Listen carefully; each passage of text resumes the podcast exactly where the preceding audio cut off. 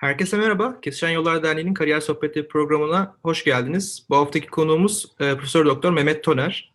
E, kendisinin özgeçmişi inanılmaz. Ben e, kısaca okuyup özetlemeye çalışacağım size. Ondan sonra sizden gelen sorularla... Bu haftaki konuğumuz e, Profesör Doktor Mehmet Toner.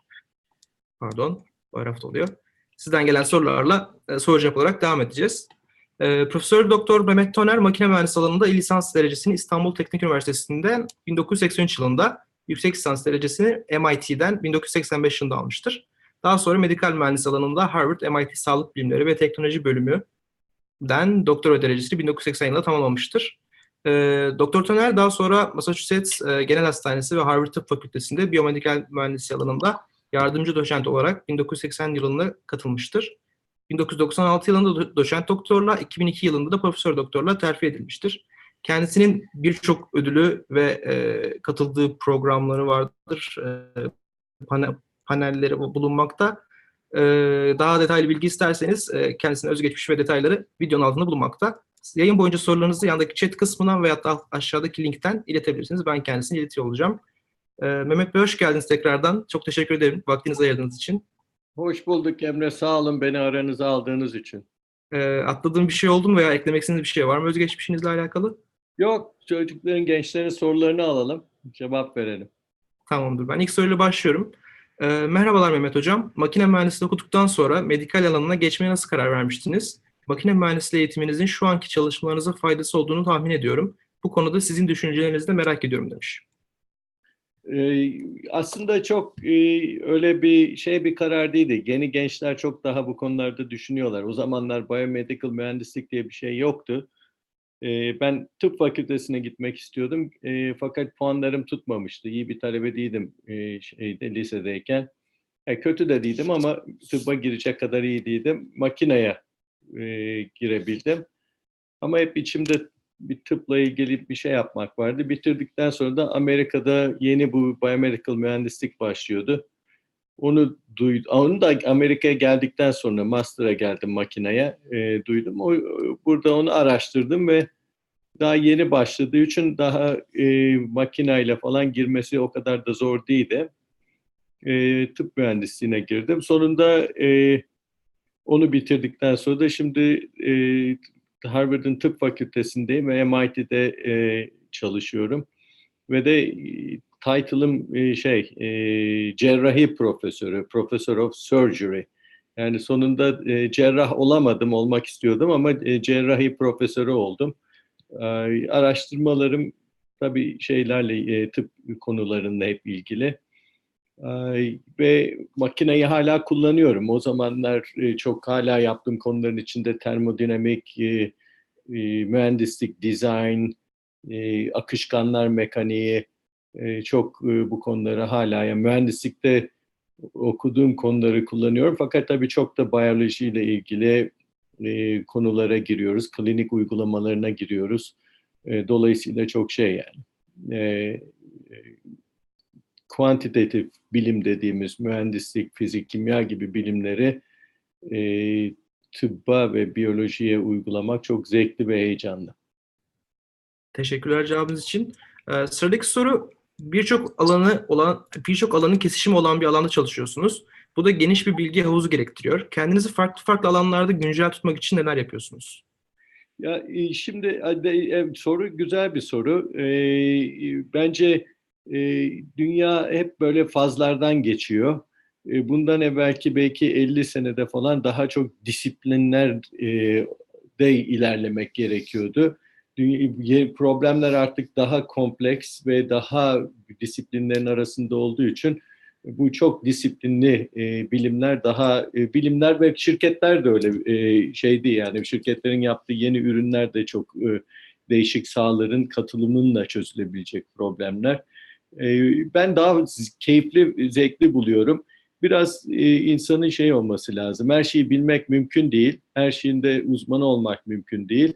E, dolayısıyla e, bilmediği konularda insanın e, rahat bir şekilde hareket edebilmesi gerekiyor. Bizim gibi interdisipliner dediğimiz konularda çalışan e, insanların. E, tabii bu nedenle bir sürü ben ortaklarım var. benim bilmediğim konuları daha iyi bilen, onlar e, o sahalarda yardımcı oluyorlar. Ben kendi sahalarımda yardımcı oluyorum. Yani bir yerde yalnız değil, bir ekip olarak çalışmak gerekiyor. E, özellikle bizim yaptığımız bilim dediğimiz işte çok aslında insan yalnız çalışmaya iten bir şeydir, sahadır. E, illa kendi şeyini yapacaksın, onunla meşhur olacaksın. Bir şirket gibi değilizdir. Şirket de halbuki bir ekip çalışmasıdır e, bu şey gibi yani e, e, sporda e, tenis tek başına e, oynarsın, futbol 11 kişi oynarsın. Bu daha bir ekip çalışması, herkesin bir arada e, çalışması, herkesin kendi görevini yapması gerekiyor. E, o, tabii çok okumak gerekiyor ama o disiplinde de çalışsan çok okuman gerekiyor. Ne okuduğun değişiyor. Sürekli olarak okuyup öğrenmesi lazım gençlerin. Her beş senede bir kendinizi yeniden yaratmanız lazım e, öyle e, hele bugünkü dünyada öyle pek aynı şeyi bir kere öğrendim ve olmuyor. Üniversiteyi bitirmek hiçbir şey demek değil. Size Türkiye'deki inşaatın e, şeyini, filizlerini, ilk sütunlarını yapmış oluyorsunuz. Daha bina bile görünmüyor üniversiteyi bitirmekle. E, sürekli olarak kendinizi yetiştirmeniz, öğrenmeniz lazım. O her işte geçerli ama illa interdisiplineri, çok disiplinli sahalar için geçerli olan bir şey değil. Sadece bizde benim okuduğum şeyler çok daha değişik. Ee, başkalarının okuduğu daha farklı olabilir ama e, e, şey ileriye dönük konular daha çok çok disiplinli ve çok çalışmayı gerektirecek konular. Zevkli konular. Teşekkürler tekrardan cevabınız için. Ee, sıradaki sorum biraz kendi üzerinde çalıştığınız projelerden bahsedebilir misiniz? Ee, gizliliği yoksa şu an neler yapıyorsunuz, neler üzerine çalışıyorsunuz? Çalıştığımız konular artık 30 senedir bu işi yaptığım için e, tabii çok geniş e, ve değişik sahalarda e, örneğin e, mühendislik açısından baktığın zaman en çok çalıştığımız konu mikro akışkanlar mekaniği, e, microfluidics denilen bir konu. E, yani şeylerin e, akışkanları çok e, an, e, kontrollü olarak e, e, mikroçiplerin içinde hareket ettirerek bir sürü e, yapmak istediğimiz hem teşhis hem e, tedavi yöntemleri var. Örneğin e, şeyden kemik iliğinden bazı hücreleri ayırıp e, e, bunlara kök hücre denilen hücreleri bunları e, tekrar hastalara verip bir tedavi uygulamak veya kanda dolaşan çok nadir olan hücreler var. E, bunlar bir ile 10 milyar kan hücresi içinde belki bir tane var. E, aşağı 50 milyar hücrenin içinde 4-5 tane var. E, bunları bulan teknolojiler, çok e, nadir hücreleri e, ve bunlar kanser tümörleri, mesela bir kanserin insanı öldürmesi e, primer tümörden değil, kanserin dağılmasından ve kandan gidiyor. Bunu kanda bulabilirseniz tahmin edebilirsiniz yapacağınız şeyleri, gelişmeleri hem teşhis açısından hem tedavinin e, gelişmesi açısından hem yeni tedaviler bulmak açısından. Yani genelde yaptığımız e, çalışmalar e, kimsenin yapmadığı, gitmediği yerlere gidip orada yeni bulgular bulmak, yeni uygulamalar bulmak, organ transplantasyonu nakli üzerine büyük çalışmalarımız var.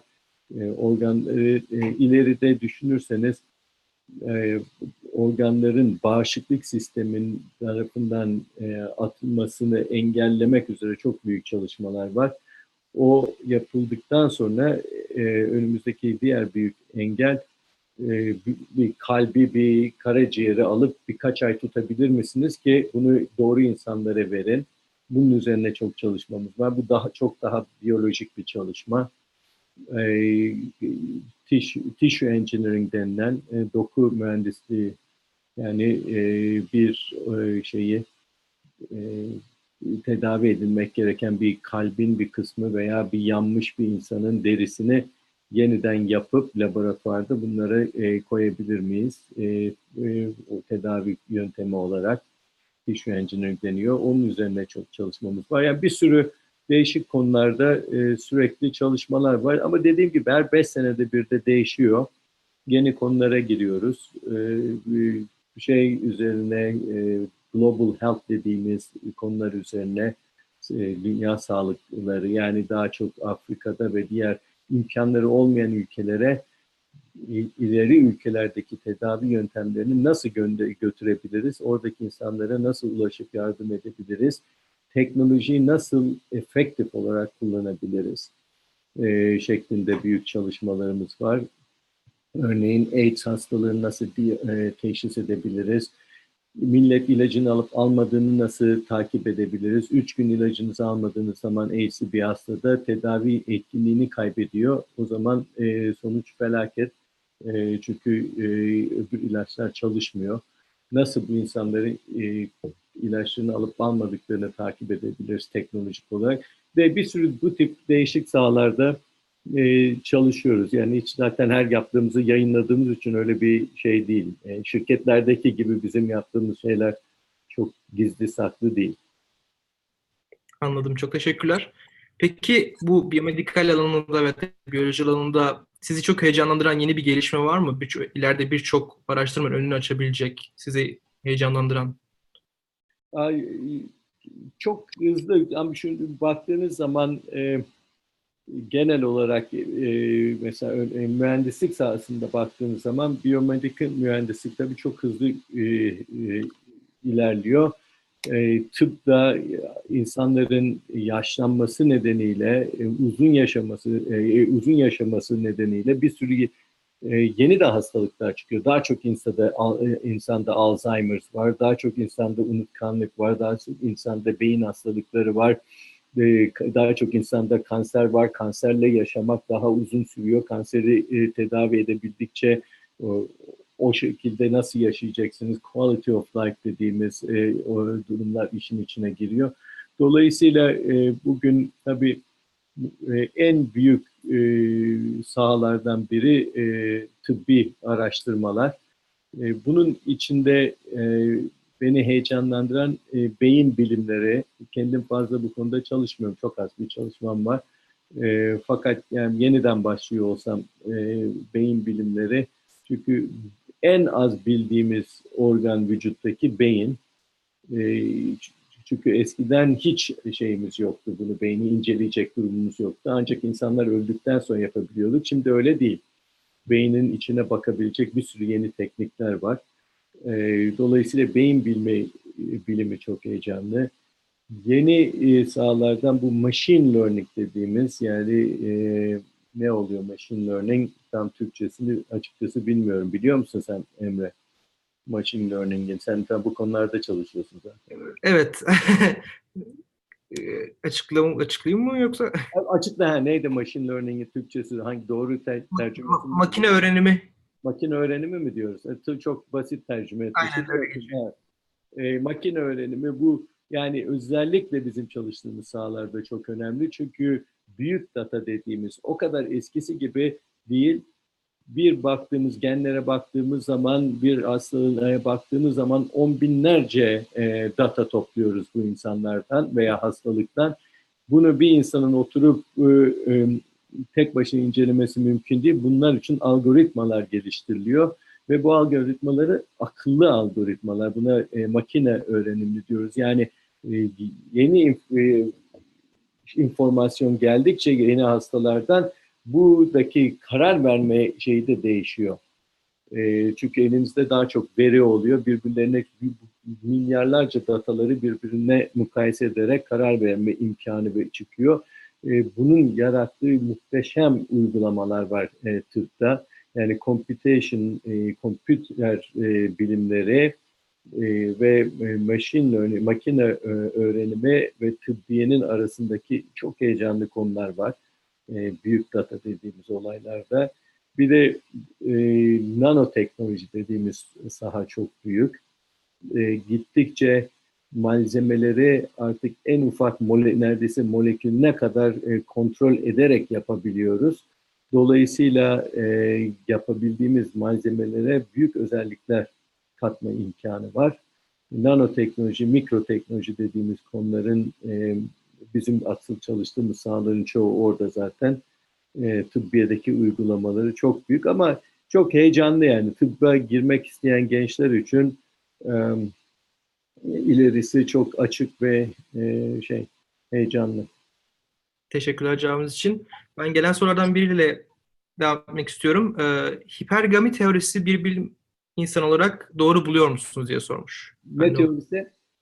Hipergami demiş ben bilmiyorum ama Hipergami ben de bilmiyorum nedir hipergami. tamam o zaman geçelim. Diğer bir soru e, zaman yönetimi Bakacağım sonra nedir merak ettim. E, bildiğim bir teori değil. ben de bilmiyorum o yüzden bir şey diye diyemeyeceğim. Ee, diğer bir soru zaman yönetimi için izlediğiniz veya uyguladığınız bir yöntem var mı? Zaman yönetimi için uyguladığım bir yöntem e, var mı bilmiyorum da e, öğrendiğim şeylerden bazıları. Birincisi e, hep e, derler bir işi e, birine vermek istiyorsan en meşgul adama ver. E, çünkü genelde meşgul insanlar zamanlarını daha iyi idare edebilen insanlar. Çünkü meşgulse adam çok iş yapması gerekiyorsa bir şekilde yavaş yavaş e, öğreniyorsun. E, çoluğun çocuğun yokken, e, gençken e, biraz daha e, zaman idaresi, zamanın biraz fazla gibi. İşte evlenip çoluk çocuğun olduğu zaman şimdi hayatını işinle evin arasında bölmen lazım. Dolayısıyla biraz daha idare etmen gerekiyor zamanın doğru. Çocuk olduktan sonra özellikle bu değişiyor. Ondan sonra başarılı oldukça işte iş, işte ilerledikçe daha yükler almaya başlıyorsun. Dolayısıyla zamanını o daha fazla işi daha az zamanda yapabilme durumuna gelmek e, desin daha iyi idare etmen gerekiyor. Dolayısıyla başkalarını çok iyi manage etmen gerekiyor. İşi başkalarına verip takip etmesini bilmen gerekiyor. Her şeyi kendi yapmaya çalışırsan dünyada yeteri kadar zaman yok. E, o yüzden bir sürü e, teknikler yavaş yavaş geliştiriyorsun. Mesela one touch principle dediğimiz bir kere dokun. Yani bir e, şeye bakacaksan file e, şeye e, mektuba bir yere cevap vereceksen bir e-maile baktıysan hemen cevap ver. Yani procrastinate etme. Onu baktığımda yarın da vereyim, öbür günde bilmem ne yapayım deme. One touch principles deriz buna. Eğer hakikaten zamanını iyi şey yapacaksan e, bir başkalarını delege etmesi, iki ekibini çok e, güvenir ekip kurman lazım ki bir şeyi e, istediğin zaman e, verdiğin zaman yapmayı devamlı e, şeyle mücadele edemez yani e, işlerini yapmayan insanlarla ve de benim tavsiyem hepinizin üç tane hayatı olacak. Bunlardan daha ileriye gittikçe bunu daha iyi anlayacaksınız. Bunlardan bir tanesi profesyonel hayatınız bir tanesi aile hayatınız, bir tanesi de kendi hayatınız. Ee, aile hayatında kendi hayatında yani kendinize de vakit harcamanız lazım. Kendi arkadaşlarınızla yok tenis mi oynarsınız, spor mu yaparsınız, dağ mı tırmanırsınız, kitap mı okursunuz? Ee, insanın e, beyninin e, kendisine de bir vakit harcaması lazım. Genellikle e, insanlar e, yani sırf zamanını iyi ayarlamak, işteki zamanınızı çok performansınızı iyi ayarlamak demek değil. E, bütün 7 gün 24 saatinizi nasıl bu üç kategoride böyle böleceksiniz ve kendiniz dedi sağ, sağ e, egzersiz yapmanız lazım. E, kendinize iyi bakmanız lazım. Bunlara da dikkat edin. Yani sırf iş açısından bakmayın, daha global açıdan bakın zaman idarenize. Çok teşekkürler. Çok güzel bir cevap oldu. Ee, diğer bir soru, çalışmalarınızda sizi motive eden, daha çok çalışmaya iten unsurlar nelerdir diye sormuş. Ay, vallahi dünyadaki bence en büyük şey e, merak. E, meraksız insanın başarılı olma, olabileceğini düşünmüyorum. İyi iş yapabilirler, maaşlarını alabilirler, katkıları olabilirler ama e, meraklı olmayan bir insanın ne çok bilgili olabileceğine ne de çok e, yaratıcı olabileceğine ben inanmıyorum. Yani bana sorarsanız en önemli öğretmemiz gereken çocuklara, gençlere merak. Bunu aslında hiç öğretmediğimiz gibi meraklı insanlara da oğlum yapma, kırarsın, bozarsın deriz çocuklarından beri. E, çünkü meraklı insan zaten öğrenecek. Öğrenen insan öğrenmenin verdiği e, şevkle daha fazla işe sarılacak. E, dolayısıyla bana sorarsınız e, meraklı olmaya kendinizi öğretin. Bir de e, beyninizin değişik kısımlarını kullanmayı da öğretin kendinize. E, vücudumuzu gidiyoruz işte çalıştırıyoruz yok yük ağırlık kaldırıyorsunuz koşuyorsunuz şu muscle'ım şey adelemi çalıştırın diyorsunuz ama beyninizi efendim ben mühendis olacağım yok ben artist olacağım diye sadece belli bir konuda çalıştırmayın. Beyin de bir şey gibi vücudunuzdaki her adele gibi bir adele değişik kısımlarının çalışmaya ihtiyacı var. Dolayısıyla meraklarınızı sadece kendi ilginiz sahası olan çok limited bir saha içinde tutmayın. Yani ne bileyim işte makine mühendisi misiniz veya kompütür mühendisiyseniz sadece o konularda merakınız olmasın. Müziğe de olsun, efendim sanatı olsun, başka konuları olsun. O beynin diğer taraflarını çalıştırın. Çünkü eğer yaratıcı olmak istiyorsanız bunu yapmak zorundasınız. Yoksa sırf bir şeyi çok öğrenerekten dünyada başarılı olamazsınız. Meraklı olun ve çok yönlü olun. Teşekkürler. Ee, sıradaki soru biyomedikal, biyoteknoloji ve biyomühendislik arasındaki farklar nelerdir diye sormuş ama. Valla yani aslında öyle hani bir tekst şey e, lugat e, tarifi bir farklılıklar yok. Türkiye'de biraz daha bu kelimeler e, ülkelere göre de değişik kullanılıyor. Biyo, biyoteknoloji var, biyomedikal, biyotıp var. Başka ne dediydi arkadaş soruda? Biyomedikal, biyoteknoloji ve biyomühendislik. Ee, biyomühendislik. Şimdi ya, hakikaten yok yani öyle e, her o bazı okullar değişik tarif ediyor bazıları başka. E, biyoteknoloji e, daha işin başlangıcında biyomühendislikten önce ilk başlarda biyolojinin e, e, teknoloji proses kısmı yani e, e, ilaç yapımı falan filan gibi şeylerde kullanılan yere mühendisler girmeye başladı. Ona ilk bu dediğim 1970'lerde falan olan olay biyoteknoloji ile başladı. Ondan sonra biraz daha e, mühendislerin işe girmesiyle bu biyomühendislik e, sahası e, daha tıbbi konulara uygulaması e, başladı. İşte tıbbi cihazlar, e, şey, e, dokular, e, e, e, tissue engineer, e, doku mühendisliği gibi sahalar çıktı. E, şey biyolojik e, malzemeler. O daha biyomühendisliğe girdi. Bunun da tıbbideki olan e, bir kısmının uygulaması tıbbide, bir kısmının uygulaması biyolojide. Biomedical engineering daha çok tıbbi uygulaması, bioengineering'de biological engineering'de daha çok e, biyolojide uygulanması ama yani o kadar bunlar yerine göre değişik nüanslar e, büyük de farkı yok aslında yani. Bir de bioinformatik eklemişler ama. Bioinformatik farkı. Bioinformatik daha çok şey e, daha spesifik bir saha. E, o e, özellikle genom e, şeyinin patlamasından sonra biliminin e, bu genlerin ve genlerin verdiği informasyonu nasıl çünkü 30 bin, 40 bin tane gen var. Bunların işte biri yukarı çıkıyor, biri aşağı gidiyor, biri mutasyona uğruyor. Bütün bunun e, analizini et, e, yapmak ve anlamak üzere e, başlamış e, bir saha. Bu da zaten bu büyük data dediğimiz, big data dediğimiz yere giden bir saha. Çünkü çok fazla veri var elinizde. On binlerce, yüz binlerce, bir, birkaç bin insana bakıyorsunuz. Milyonlarca veri var. Bunları nasıl analize edersiniz? Bu yani comput, e, computer, computational e, şeyin e, e, bilimlerin e, biyolojiye ve genetik genetiğe e, uygulanması. Teşekkürler. Çok seri seri sordum ama yine e, bununla alakalı bir şey var. Polimer bilimi ile alakalı ne düşünüyor hocanız diye sormuşlar ama. E, polimer e, e, polimer bilimi e, en hızlı gelişen sahalardan e, biri o da. E, bu hem e, şeyin içinde var nanoteknolojinin hem malzeme bilimi içinde var. Daha çok malzeme bilimi içinde. E, dünyadaki mesela önemli polimer bilimcilerinden biri de Türk e, sevdiğimiz bir arkadaş Orhun Muratoğlu'dur. Bu ilk artificial hip denilen yapay kalça şeylerini yapan kimselerden biridir. Tamamıyla polimer mühendisliğine ilgili bir sahadır.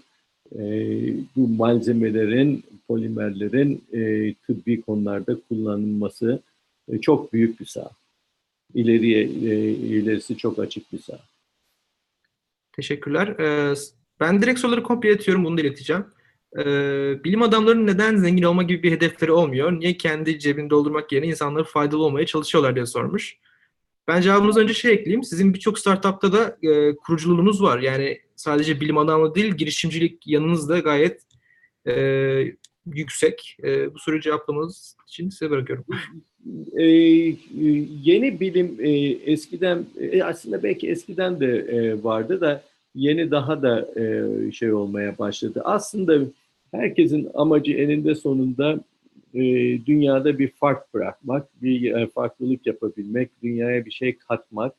E, bilim adamı olduğunuz zaman da dünyaya e, kattığınız e, bilgilerin eninde sonunda bir ürüne dönüşmesini istiyorsunuz ki insanlığa bir faydası olsun. Eğer sizin yaptıklarınız hiçbir şekilde bir ürüne dönüşmezse e, bir faydası olmuyor. Yani birileri okuyorlar, öğreniyorlar ama eninde sonunda yaptığınızın özellikle bizim yaptığımız işlerde eğer içinizde biraz atılımcılık varsa o e, ürüne dönüşme kısmına biraz girip yardımcı olmak çünkü e, zaten gerekiyor da e, çünkü bilim işin çok başı, e, bir ürün de işin çok sonu. Arada da büyük bir köprü var. Bu köprüyü geçebilmek için e, bilim adamının fikri yarattıktan sonra tamamen çekilmemesi lazım. Onun geçişinde yardım etmesi lazım. E, bu gittikçe daha şey olmaya başladı bilimde. Kabul, eskiden kabul edilmezdi belki 40 sene evvel. Şimdi öyle değil. Bilim adamlarının şirket kurması, şirketlere yardım etmesi, yaptıkları işten e, para kazanmaları e, şey değil. Eskisi gibi kötü gözle bakılan bir olay değil. E, ve bence iyi bir şey bu. iyi bir gelişme e, bilim için. Dolayısıyla bir sürümüz artık e, yaptığımız işlerin e, ürün haline dönüşmesi üzerine de çalışıyoruz. Benim de var başlattığım bir sürü şirket. Ama gene de para için yapmıyoruz. Yani bizim e, eğer bir işi e, eğer para yapmanın da hiçbir şeyi yok sakıncası çok da güzel bir şey. Ama para yapmak için bilim adamı olmayın yani. E, e, onu para yapmak için istiyorsanız onun yapabilecek ve o isteğinizi tatmin edebilecek başka platformlar, başka işler var. E, bilim adamı meraklı insanın gerçeği araması, arama yolculuğudur derim ben hep. E, meraksız insandan bilim adamı olmaz. Gerçeği e, aramayan e, insandan da bilim adamı olmaz. E, bilim adamında biz şey yapmayız. Bir hipoteziniz varsa hipotezinin doğruluğunu göstermezsiniz. Hipotezinizi test edersiniz. Bunun e, güzel bir örneği yani Gandhi'nin bir lafı var. E, tam ölürken adam e, e, işte şey yapıyor. E, e, düş, düşman değil de bir taraftaki adam geliyor. Bunu durdurmak istiyorlar. Yemek yemiyor aylardır. E, diyor ki evet evet diyor sen haklısın diyor. Ama diyor adam da herhalde tamam diyor ben yemek yemeye başlayacak. E, ama diyor söylediğini yapmak doğru mu bilmiyorum. Yani haklı olmakla doğru arasında çok büyük bir fark var. E, hayatımız hep haklı olmaya geçiriyoruz. İlla ben işte bak ben haklıyım, münakaşamızda haklıyım, Fenerbahçe'de, Galatasaray'da devamlı ona göre. Halbuki başarılı insanlar bir sürü şeye geldikleri zaman seçim noktasına haklı yolundan çok doğru yolu seçebilen insanlardır. E, bilim adamının zaten şeyinde geninde bu var. Amacımız doğru yolu bulmaktır, şey değildir. Haklı olmak değildir. Dolayısıyla bu mesela bir eğer hakimseniz doğruyu yapmanız lazım. Haklı diye bir şey yok hakimde. Doktorsanız doğruyu yapmayın. Ya ben haklıyım diye bir şey yok. Ne doğruysa onu yapmanız lazım aslında. Bilim adamı da bu üç kategori özellikle hakikaten hep doğru yolu arayan, bulmaya çalışan e, e şeylerdir, mesleklerdir. E, dolayısıyla Öyle bir şeyde para yapmak istiyorsanız o olmayın yani. Bilim adamı para yapmak için girilecek bir iş değildir. Meraklı insan doğruyu arıyorsanız girin ama bu yeni bilim adamı şeyinde para da yapabilirsiniz. İlla para yapamayacaksınız diye bir şey de yok ayrıca. Bence bu gayet güzel bir gelişme. Çünkü Türkiye'de genel olarak temel bilimler işte fizik, kimya, biyolojik bir temel bilimlere e, bir ön yargı vardır okursan aç kalırsın tarzı. Ama bu gelişme sayesinde belki de daha fazla öğrenci merakı varken daha fazla öğrenci bu alanlara girmeye teşebbüs edecek veya da girmeye başlayacak. E, ileride daha güzel gelişmelere gebe olabilecek bir gelişme bence. Yani temel bilimlere, temel sahalara girip öğrenmenin faydası e, illa orada e, şey e, ömrünüzün sonuna kadar kalmak zorunda değilsiniz. Oradan sonra iş adamı olabilirsiniz, politikacı olabilirsiniz, sanatçı olabilirsiniz, bilim adamı. Yani mühim olan eğitiminizde iyi bir eğitimini, e, ciddi temeli olan bir eğitimi almak. Ondan sonra istediğiniz sahalara girebilirsiniz. Teşekkürler. Ee, sıradaki soru, e, ben direkt soruyu okuyayım ondan sonra biraz daha farklı bir hale çevireyim. Soru şöyle, bilim kurgu filmlerinde gördüğümüz gibi kalbin içine girip tedavi olma gibi bir teknoloji ileride görebilecek miyiz? Ben bunu şöyle çevireyim. Nanoteknoloji, e, biyomedikal mühendisliğindeki önemi nedir? E, ikisinin kesişimi olan alanlardan birkaç örnek verebilir misiniz? Zaten e, bu Fantastic Voyage e, filmi falan bu Asimov'un zamanında aslında bugün filmlere bakarsanız e, bu, bu tip filmlerde gördüğünüz şeylerin neredeyse hepsi oluyorlar. Yani 50 seneki önce filmleri seyrederseniz bugün neredeyse çoğu oldu. Hatta eski teknoloji. Ne bileyim son 5 sene içindeki bu tip filmleri seyrederseniz emin olun 50 sene içinde orada gördüğünüz uçan insanlar bilmem ne hepsi olacak. Bu dediğin aynen nanoteknoloji, e, mikroteknoloji dediğimiz olay e, sürekli olarak artık yani bir şey değil, eskisi gibi fantezi değil bizim yaptığımız bir sürü araştırma gruplarının yaptığı şeyler. Örneğin bugün birinde konuşuyorduk. Mesela şirket var kırmızı kan hücresi yapıyorlar. Bunları kansere karşı dönüştü. Bugün immünoterapi dediğimiz bağışıklık sistemini kansere karşı dönüştüren teknolojiler var. Bunun içinde T, T, T beyaz hücrelerin içinde T cells denilen bir kısmı var. Bunları alıp bunlara genetik olarak bazı özellikler verip büyütüp hastaya geri veriyorlar. Gidiyor bütün hastanın kanserini yiyor. Bu da nanoteknoloji. İşte bu dediğiniz olayların hepsi bugün e, bir sürü sahada kullanılan veya bir tane ilaç yutuyorsunuz. İlaçın içinde e, şey küçük bir robot var. Gidiyor bütün giderken her yerinizi görüntülüyor. E, o bilgiyi geriye veriyor veya e, doğru yerde doğru ilacı yaratıyor. Mesela e, bir, bir nanoparticle küçük e, bir şeyin üstüne ilaçlar konuyor. Ondan sonra onu alıyorsunuz, o tümörlü yere gidiyor. E, tümörlü yere gittikten sonra onu içindeki ilaçları oraya bırakıyor. Bunun gibi yani bu eskisi gibi şey değil. Bugün sürekli her gün bir sürü insan bu teknolojilerle hayatı kurtarıyor. 50 sene evvel bu filmler varken bir fanteziydi. O yüzden bugünkü filmleri seyredin, yarın ne olacağını hemen bulursunuz. Onların üzerinde çalışın. Teşekkürler. Ee, Sadık soru iletiyorum. Merhaba Mehmet Hocam. Ee, biyomedikal mühendisliği deyince benim aklıma ilk olarak biyomekanik alanındaki gibi tıbbi uygulamalar geliyor. Fakat eminim bilmediğim pek çok başka uygulaması var. Biyomedikal mühendisliği tercih edip etmemek arasında çok kararsızım. Biyomedikal mühendisliğinin ne olduğunu bu, ve bu bölümden mezun olursam yaşantımın nasıl olacağını imkanlarımın neler olduğunu sizden dinlemek isterim. Çok teşekkür ederim demiş. Well, iki, iki değişik şekilde cevap vereceğim. Birincisi her zaman e, özellikle anne babalarda fakat çocuklar, gençler de kendileri de sanıyorlar ki bun, gele, sizin geleceğinizi aldığınız dereceyle biz doğru orantılı bir şey olduğunu sanıyorsunuz. Ee, aslında bu böyle değil. Sizin geleceğiniz sizin ne kadar çalışkan, dürüst, akıllı, yaratıcı olmanızla bağlı. nereden derece alırsanız alın. Eğer bu vasıflarınız varsa çok başarılı olacaksınız. Bu biraz bana şeyi hatırlatıyor. Ee, işte yani ben de lise talebesiyken 10 aldığım zaman eve giderdim. Anne baba 10 aldım derdim. Ee, dersten çarptığım zaman eve giderdim. Ya hoca sıfır verdi. Şimdi hoca sıfır verir başarılı olamadığın zaman, başarılı olduğun zaman sen yapmış olursun. Hayat da öyle. Başarısız olan insanlar hep onlar ya keşke biomedical mühendis olmasaydım da makineme ne olacaktı? O zaman mı başarılı olacaktın? Yani biomedical mühendis oldun da ondan başarılı mı olamadın? Yoksa içinde mi malzeme yoktu başarılı olamadın? Benim görüşüm eğer öğrenmeye açıksanız, meraklı insansanız, çalışkan insansanız e, başarılı olmamanız için e, ve de başka insanlarla da çalışmasını lütfen öğrenin. Hayat kendi başınızda olmuyor. E, takım yapabiliyorsunuz. Bu, bu parametreler sahipseniz zaten başarılı olacaksınız bir şekilde. Biyomedikal mühendislik, şimdi öbür cevap, e, bugün e, Amerika'da, Türkiye'de değil tabii, Türkiye'nin şartları daha farklı, en hızlı büyüyen sahalardan biri. E, dolayısıyla ileriye dönük bir saha, bu sahada şey e, yapmanın ileriye dönük e, faydaları var. Ama sadece e, makineyle alakası yok. İlk başladığı kısımlara baktığınız zaman doğru.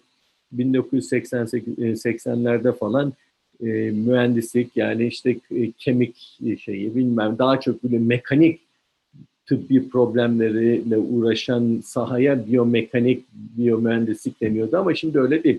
Tamamıyla molecular bioengineering dediğimiz sahalar, işte şey e, machine learning çok geniş kapsamlı. Yani e, temel bilimlerin tıbbi konulara, biyolojik konulara uygulanmasıyla ilgili olan bir saha. Çok geniş bir saha. En hızlı büyüyen sahalardan biri. Dolayısıyla e, bu sahaya girip meraklı, akıllı, çalışkansanız başarısız olmanız mümkün değil. Başarılı olmamanız mümkün değil, pardon. Teşekkürler cevabınız için. Sıradaki soru doktora öğrencilerinizi seçerken nelere dikkat ediyorsunuz? Doktora başvurularında nelere dikkat etmeliyiz? Yazılmış. Yani e, o, o kadar basit cevabı olan bir soru değil. E, bir doktora öğrencisini e, olarak bir üniversiteye e, müracaat ettiğiniz zaman genellikle bir kimseye müracaat etmiyorsunuz. Genelde Amerika'da bütün üniversitenin o programına müracaat ediyorsunuz. Girdikten sonra hocanızı buluyorsunuz. Genelde öyle, her zaman öyle değil. Küçük, çok küçük okullarda daha çok hocayla bir temasa geçip yapmak lazım. Ama diyelim ki MIT'ye, Stanford'a müracaat, Johns Hopkins'e müracaat ediyorsunuz, Michigan'a. E, o zaman e, programa müracaat ediyorsunuz doktora programına müracaat etmeye isteyen arkadaşlar tabii e, lisans eğitiminde e, çok başarılı olmaları gerekiyor. E, notlarını iyi tutmaları gerekiyor. E, Amerika'ya gelmeyi düşünüyorlarsa tabii lisanlarını iyi tutmaları gerekiyor.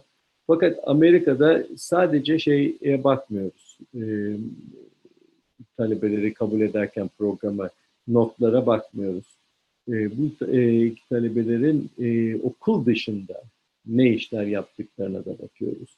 Bunlar e, nerede çalışmışlar, yazlarınızı boşa harcamamak, ne tip ilgileri var, ilgi sahaları nedir, nasıl insanlara başka e, yardım etmişler.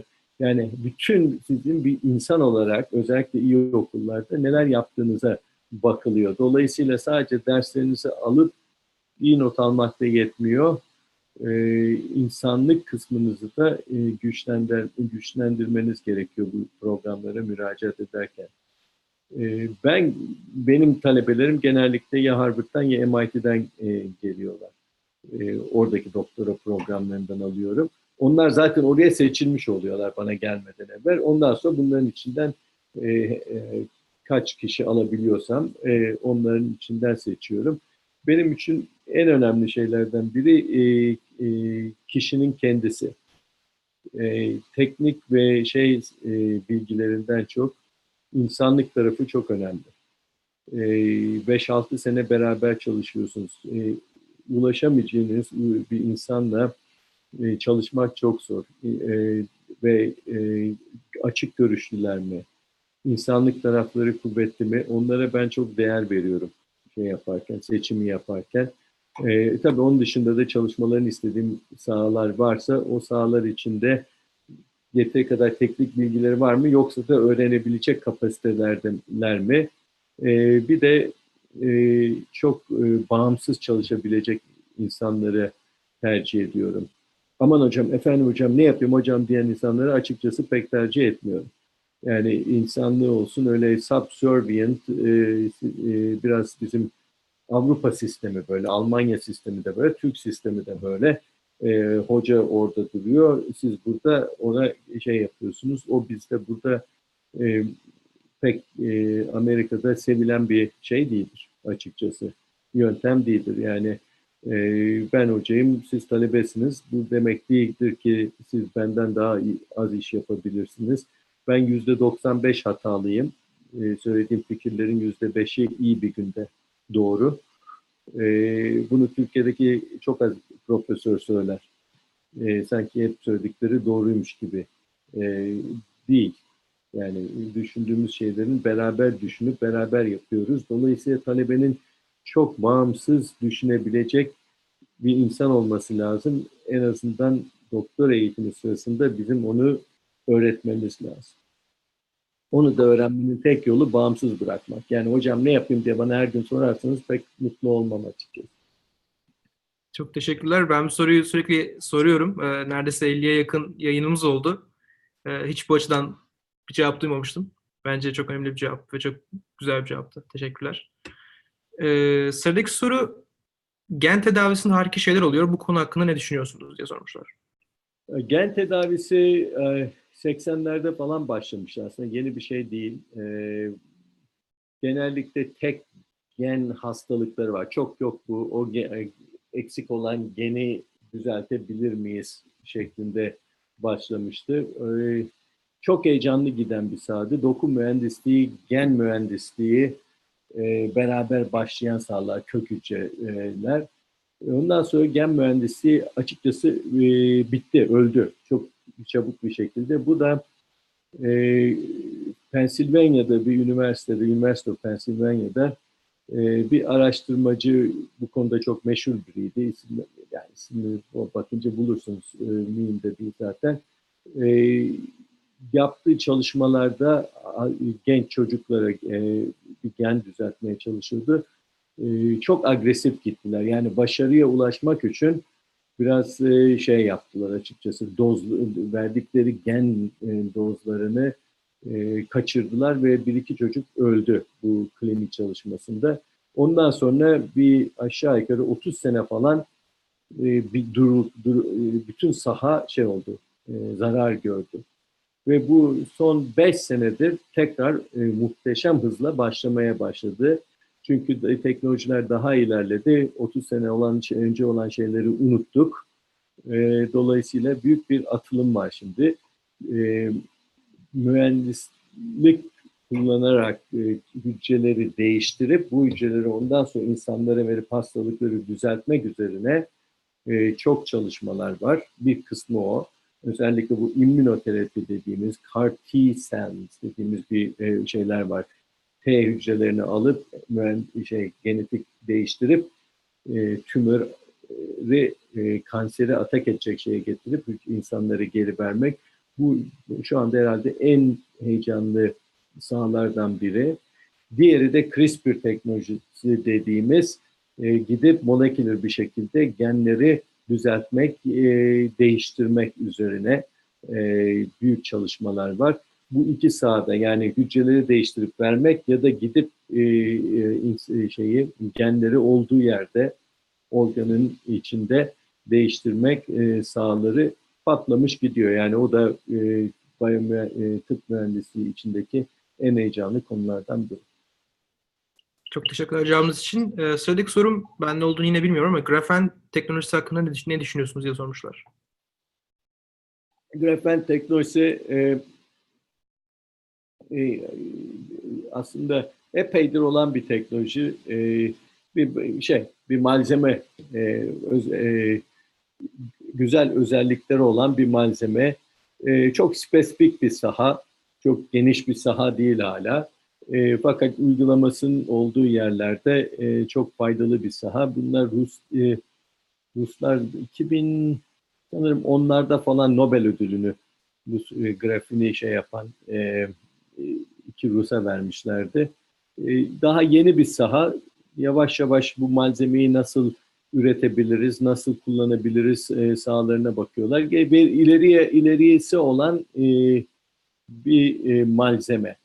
Ama bir saha demek zor yani E, şey geleceği olan bir malzeme. Başka malzemeler gibi yeni bir malzeme. Dolayısıyla fazla bilinmiyor. E, ş- şey değil. Ama saha olarak görmüyorum ben. Bir e, güzel bir teknoloji. Teşekkürler cevabınız için. Ee, ben sıradaki soruyu iletiyorum. Ee, geçen yıl endüstri mühendisliğinden mezun oldum ve tıbbi cihazlar üretim yapan bir firmada çalışıyorum. Bu alanı çok sevdim ve merak duyuyorum. Biyomedikal alanda yüksek lisansı önerir misiniz? Yurt dışında biyomedikal alanda yüksek lisans yapabilmek için sahip olmamız gereken kriterler var mıdır? Bu alanda ilerlemek isteyen kişilere öneriniz nelerdir? Takip edilmesi gereken yayınlar, çalışmalar, güncel gel- gelişmeleri nereden takip edebilirim diye sormuş. Bunu beni cevap vermem için bizim bir ay oturmamız lazım bu soruyu. Ya, e, endüstri e, mühendisliğinden sonra girip ki de tebrik ederim. Hem e, çalıştığı şeyi sevmesi insanın güzel bir şey, hem de ileriye dönük bakması, yarın ne yapayım, nereye gideyim sorusunu da sorması, rahata oturup e, şey yapmaması bu ikisi de çok güzel. Tebrik ederim bu geç e, arkadaşı soruyu soran. E, iyi bir yönde gidiyor.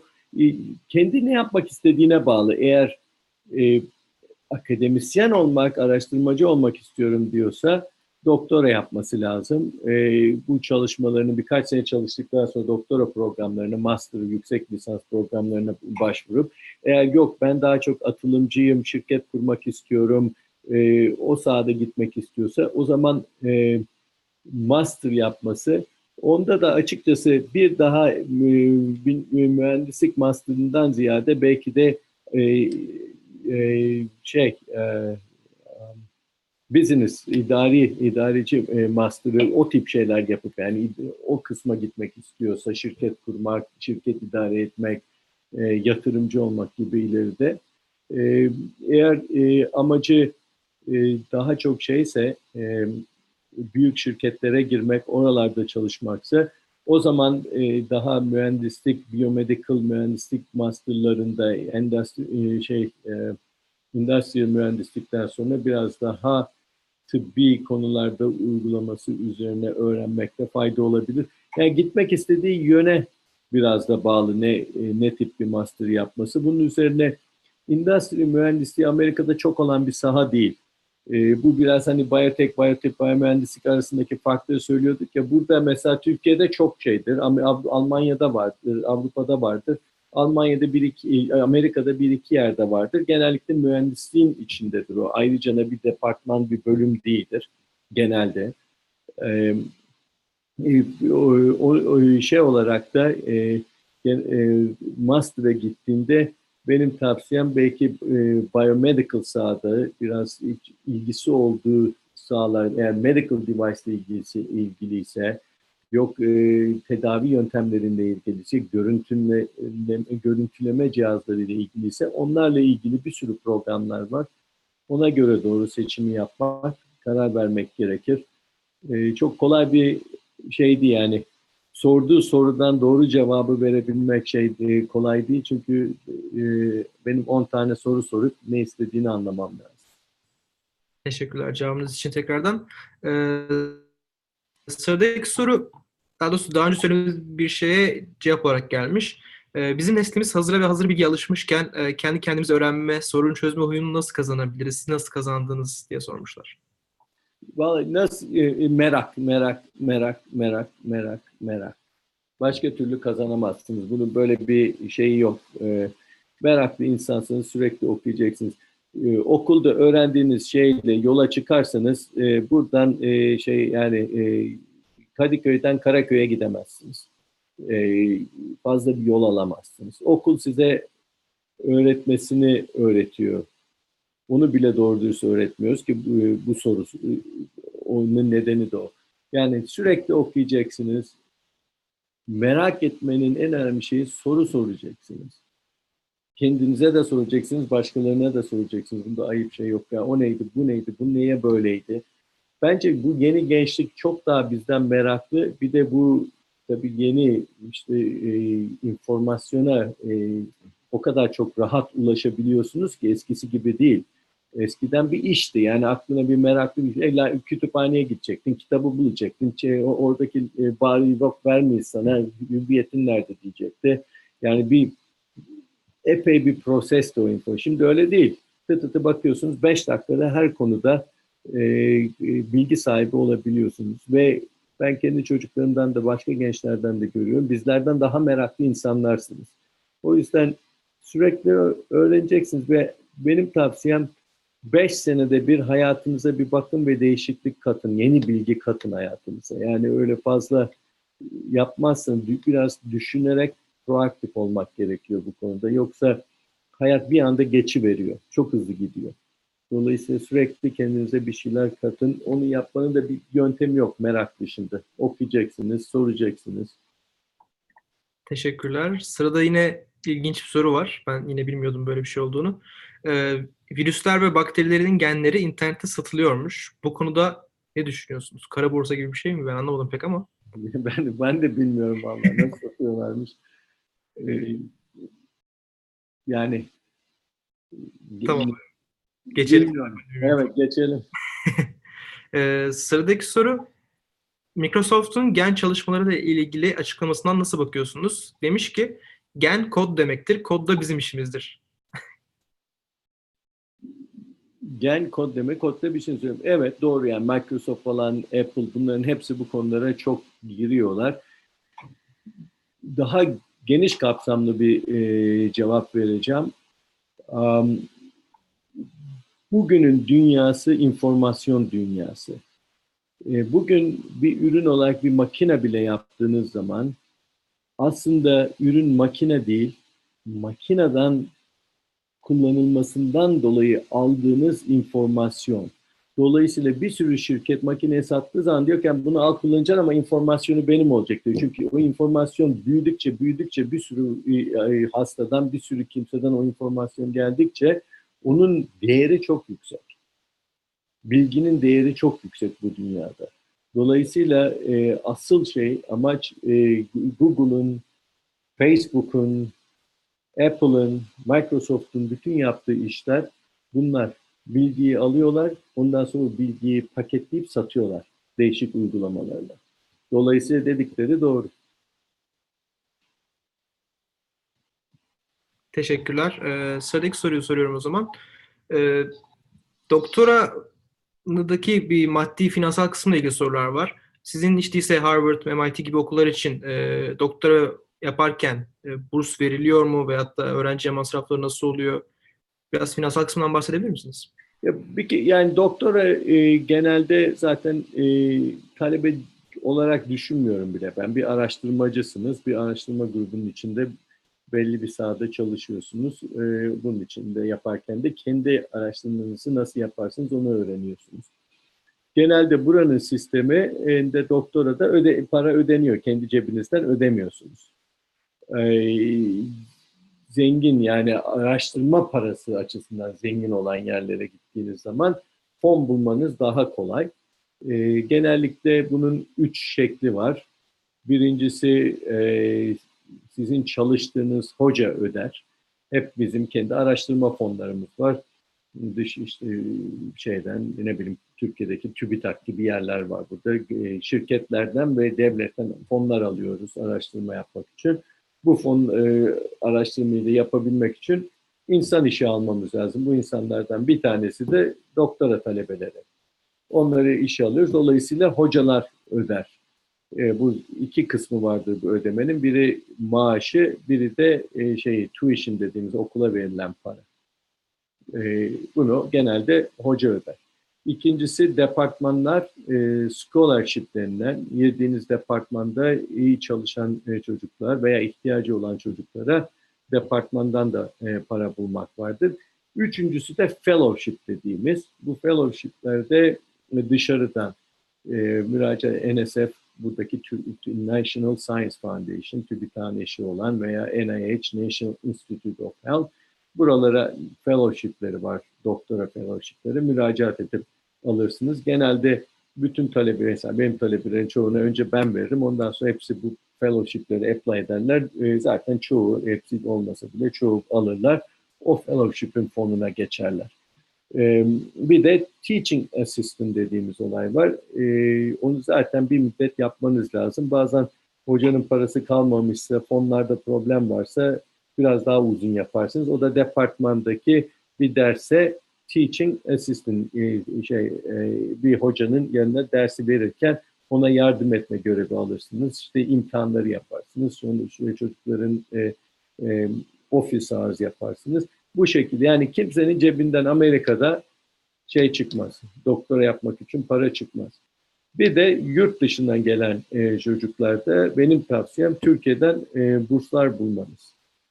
E, özellikle Amerika'da da araştırma e, fonları epey sık şey daraldığı için e, yabancılara olan e, şey biraz azaldı. Çünkü yurt dışından gelen kimselerin e, vermekten ziyade Amerikalılara e, vermeyi tercih ediyorlar. E, yabancı olarak doktora programına ve iyi yerlere gelebilmek istiyorsanız eğer TÜBİTAK'tan veya bir Türk Eğitim Vakfı'ndan veya oradan bir bursunuz varsa şansınız çok artar. Ama cep, cepten verilmiyor. Yani e, şey iyi haber kendiniz ödemiyorsunuz. Zaten bir beklenti yok. Teşekkürler cevabınız için. Ee, sıradaki sorum e, biyomedikal mühendisliği alanında Amerika ile Türkiye arasında bir köprü kurulabilir mi? Ortak proje olarak neler yapılabilir? Sizin buna yönelik çalışmalarınız var mı diye sormuş. Bir sürü var. Yani e, bir sürü üniversitelerin hepsinin Amerika ile e, ilişkileri var. Boğaziçi'nin e, her üniversitenin biyomedical mühendisliğinde buraya talebe yolluyorlar. Buradan insanlar oraya gidiyor. E, çok şey e, olan, olan bir şey bu yani. E, benim de var bir sürü gelip giden hem Türkiye'den gelip giden kimseler var. E, hem ben e, Türkiye'de e, yardım ettiğim, uğraştığım e, Özyeğin Üniversitesi'ndeyim e, orada onlara yardım. Biyomühendislik yok orada ama makine mühendisliği var. Şey, e, Türkiye'den buradan doktorasını yapıp bize gelip post doktora olan çok Türk talebesi var. Burada doktorasını yapan var. Yani Türkler hem Türkiye ile bu konuda çok köprü var hem de burada bu işi çok iyi yapan Türk var. Aslında merak ettiğim bir, bir diğer şey de oydu. Yani Türkiye'de biyomedikal eğitim aldıktan sonra size gelen öğrenciler yani lisans olabilir, lisansüstü doktor olabilir. E, kalitesini nasıl buluyorsunuz? Yani çok zorlanıyorlar mı? Harvard, MIT gibi çok iyi yerlere geldikleri veya geçmişleri veyahut da backgroundları yeterli oluyor mu? Yok, Türkiye'deki e, özellikle lisans eğitimi çok iyi. Doktor eğitimi için aynı şeyi söyleyemem. E, lisans eğitiminde Türkiye'de aldığınız eğitim buradan farkı yok. Hatta daha daha bile kuvvetli. Doktora eğitimi biraz daha e, zayıf şey olarak. Yani daha o kadar da yok aslında.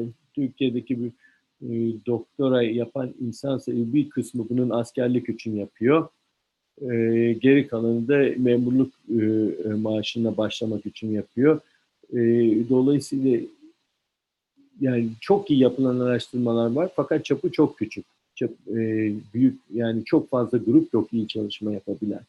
Ama yapanlar da buranın şeyinde Bilkent'te, e, şeyde Sabancı'da, Koç'ta, or, e, teknik üniversitede, e, teknik Orta Doğu'da yani benim bildiğim konularda muhteşem ama sayı olarak burası çok daha fazla. Sanırım Türkiye'de yapılan bütün mühendislik doktora sayısı Amerika'daki MIT ile Stanford iki tane üniversiteyi bir araya koyduğunuzda sanırım daha fazla doktora tezi ve çıkan çalışmanın e, e, etkinliği de daha fazla.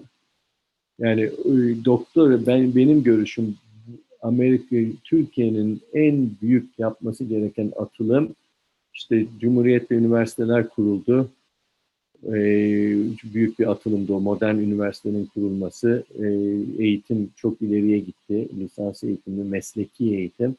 Ondan sonra 86'da sanırım vakıf üniversiteleri kuruldu. Bu devlet üniversitelerine hem kompetisyon oldu hem e, sayı olarak daha azlar, say, talebe sayısı olarak da.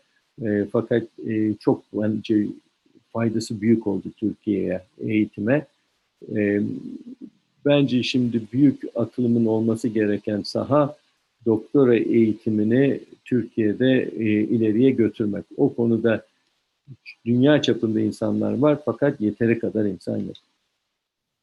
Ee, bunun devamı olarak bir soru gelmiş. Sizin size dünyanın her yerinden farklı farklı e, öğrenciler geliyor. Her ülkeden insanlar geliyor. Sizin gözlemlediğiniz kısmıyla Türk öğrencilerin kendini ne üzerine geliştirmesi gerekiyor? Hangi alanda eksiklikleri var?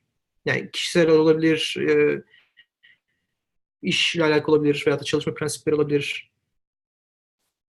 Bence ki daha çok kişisel. E, e, Bizim Türk eğitiminde Amerika'ya gelince ben de bunu gördüm. Biraz daha işte dediğim babayı biraz evvel de onu söylemiştim. Avrupa sistemi aman hocam canım hocam ne de isterseniz onu yapayım hocam gibi bir kavram var. Biraz daha subservient dediğimiz e, yani çok çekingen geliyorlar.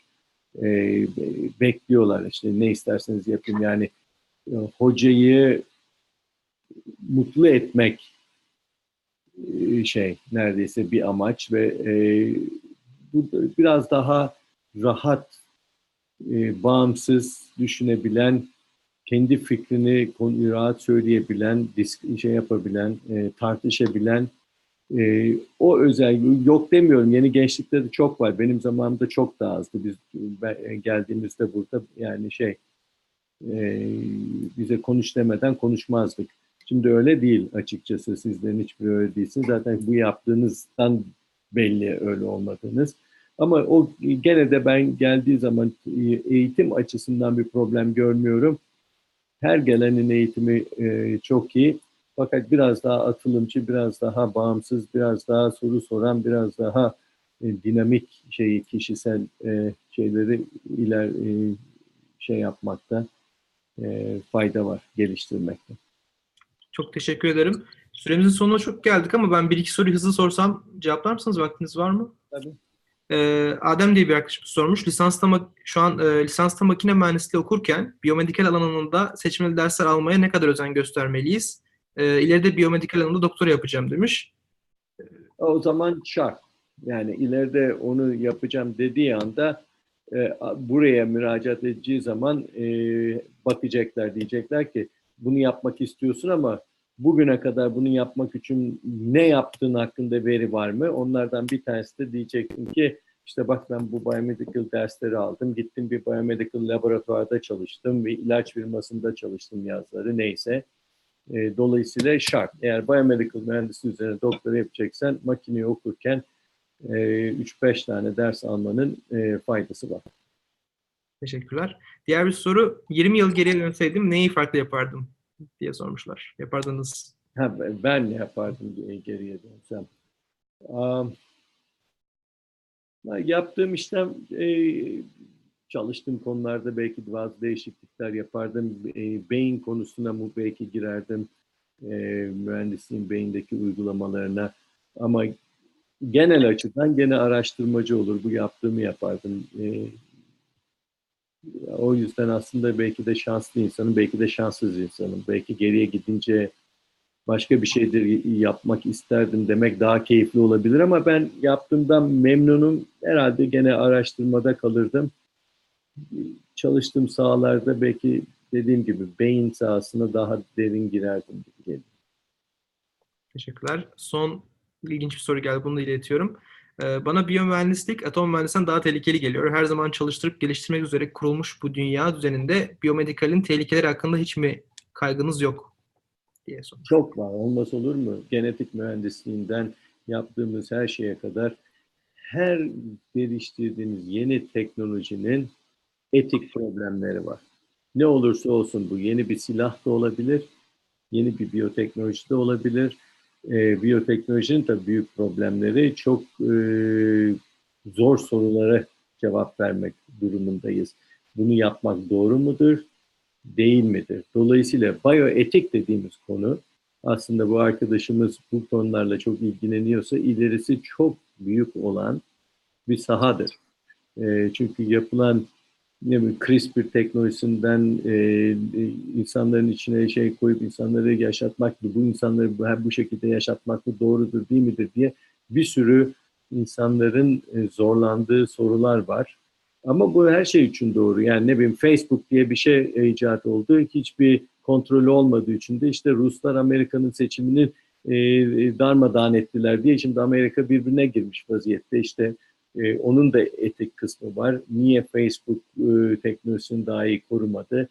Neden bu şekilde uygulandı? E, yani soru çok güzel bir soru. E, ve de bu bioetik konusu e, bence e, her teknolojideki gibi etik konusunu düşünmek lazım. Bioetikte de bu daha da önemli çünkü insan hayatında oynuyoruz.